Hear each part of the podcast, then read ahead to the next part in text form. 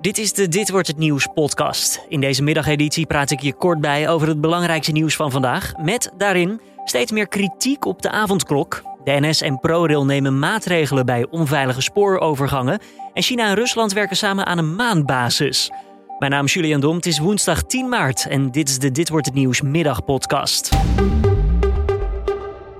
Steeds meer kritiek op de avondklok dus. Nu het kabinet de avondklok opnieuw wil verlengen tot eind maart, groeit de kritiek in de Tweede Kamer. Eerst kwam die vooral van de oppositie, maar nu zijn ook partijen als D66 en GroenLinks hier niet zo blij mee. In het coronadebat herinnerde Jesse Klaver van GroenLinks Rutte aan zijn belofte. De avondklok was de eerste maatregel die eraf zou gaan. Maar hij ziet het nu iets anders. Dan staat de avondklok inmiddels in de basisregels. Helemaal niet de eerste maatregel die we gaan binnenhalen. En daarom wil ik helderheid van de premier. Is de avondklok de eerste maatregel die we er straks gaan afhalen? Of is het een manier om het virus onder controle te houden? En is hij bereid om dit desnoods vol te houden tot aan de zomer? Ik vind dat we eerlijk moeten zijn. Ook PVV-leider Geert Wilders trok weer fel van leer tegen de verlenging van de avondklok. Inmiddels is de avondklok vaker verlengd dan de musical Soldaat van Oranje, zei Wilders.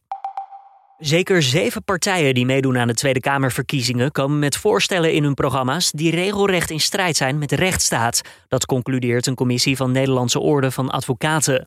Zo werd gekeken of partijen met hun ideeën de rechten en vrijheden van burgers respecteren. Als voorbeeld noemt de commissie het uitgangspunt van het CDA over het intrekken van asielvergunningen van geradicaliseerde mensen. Dat plan zou diverse huidige wetten schenden. De NS en ProRail nemen per direct veiligheidsmaatregelen bij 28 onbeveiligde spoorwegovergangen.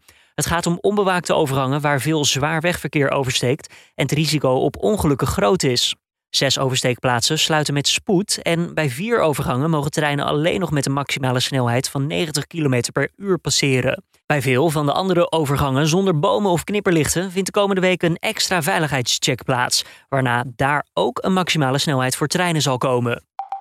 China en Rusland willen samenwerken om zo een onderzoekscentrum op de maan te bouwen. Vanaf die basis moet onderzoek gedaan worden naar de grondstoffen op de maan. Een datum waarop de maanbasis af moet zijn is niet bekend. Wel is duidelijk dat de Amerikanen ondertussen ook niet stilzitten. Zij willen in 2024 een vrouw en man laten landen op de maan. En dat zouden dan weer de eerste mensen zijn die daar voet zetten sinds 1972. We hebben in geen jaren zo weinig getankt als vorig jaar. In totaal werd er voor zo'n 12 miljard liter brandstof getankt. En de laatste keer dat dat gebeurde was in 1989. Het laagste maandelijkse niveau werd april vorig jaar bereikt. Toen werd er voor net iets meer dan 800 miljoen liter getankt. Terwijl het maandelijks gemiddelde normaal boven de 1 miljard ligt. Dat meldt het Centraal Bureau voor de Statistiek. Reden voor de lage hoeveelheden zijn de coronamaatregelen. Door thuiswerken, gesloten winkels en horeca was er minder noodzaak om de auto te pakken.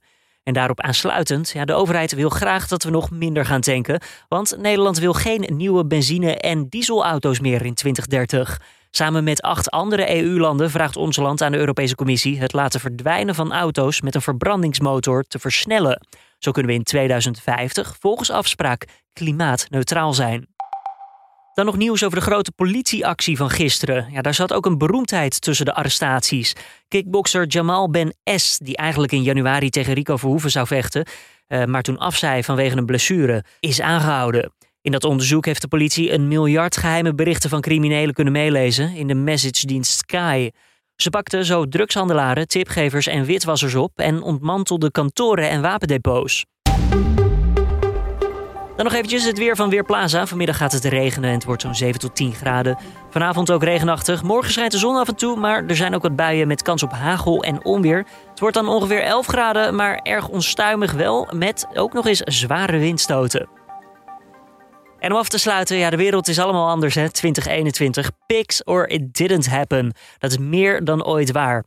Dus hebben ze nu bij meerdere coronavaccinatielocaties een selfiehoek ingericht. Daar kun je veilig een foto van jezelf maken als je een coronaprik gehaald hebt. Het mag namelijk niet tijdens het zetten van die prik, want dat zorgt voor langere rijen en de prikkers mogen ook niet op de foto. Maar goed, zo'n vaccinatie-selfiehoekje, hoe ziet dat er dan uit? Ja, dit is uh, een hoek waar je, als je de prik gehad hebt, mag je hier een foto maken en kan je dus aan iedereen, aan vrienden, bekenden of aan de wereld laten zien dat je de vaccinatie gehad hebt. Daar hoorde je de coördinator van GGD Gelderland Zuid. En dit was dan weer de middagpodcast van deze woensdag 10 maart. 2021. Tips of feedback, laat het weten. Stuur het toe via podcast.nu.nl. Mijn naam is Julian Dom. Ik wens je voor nu een hele goede en fijne woensdagmiddag. En ik spreek je morgen weer.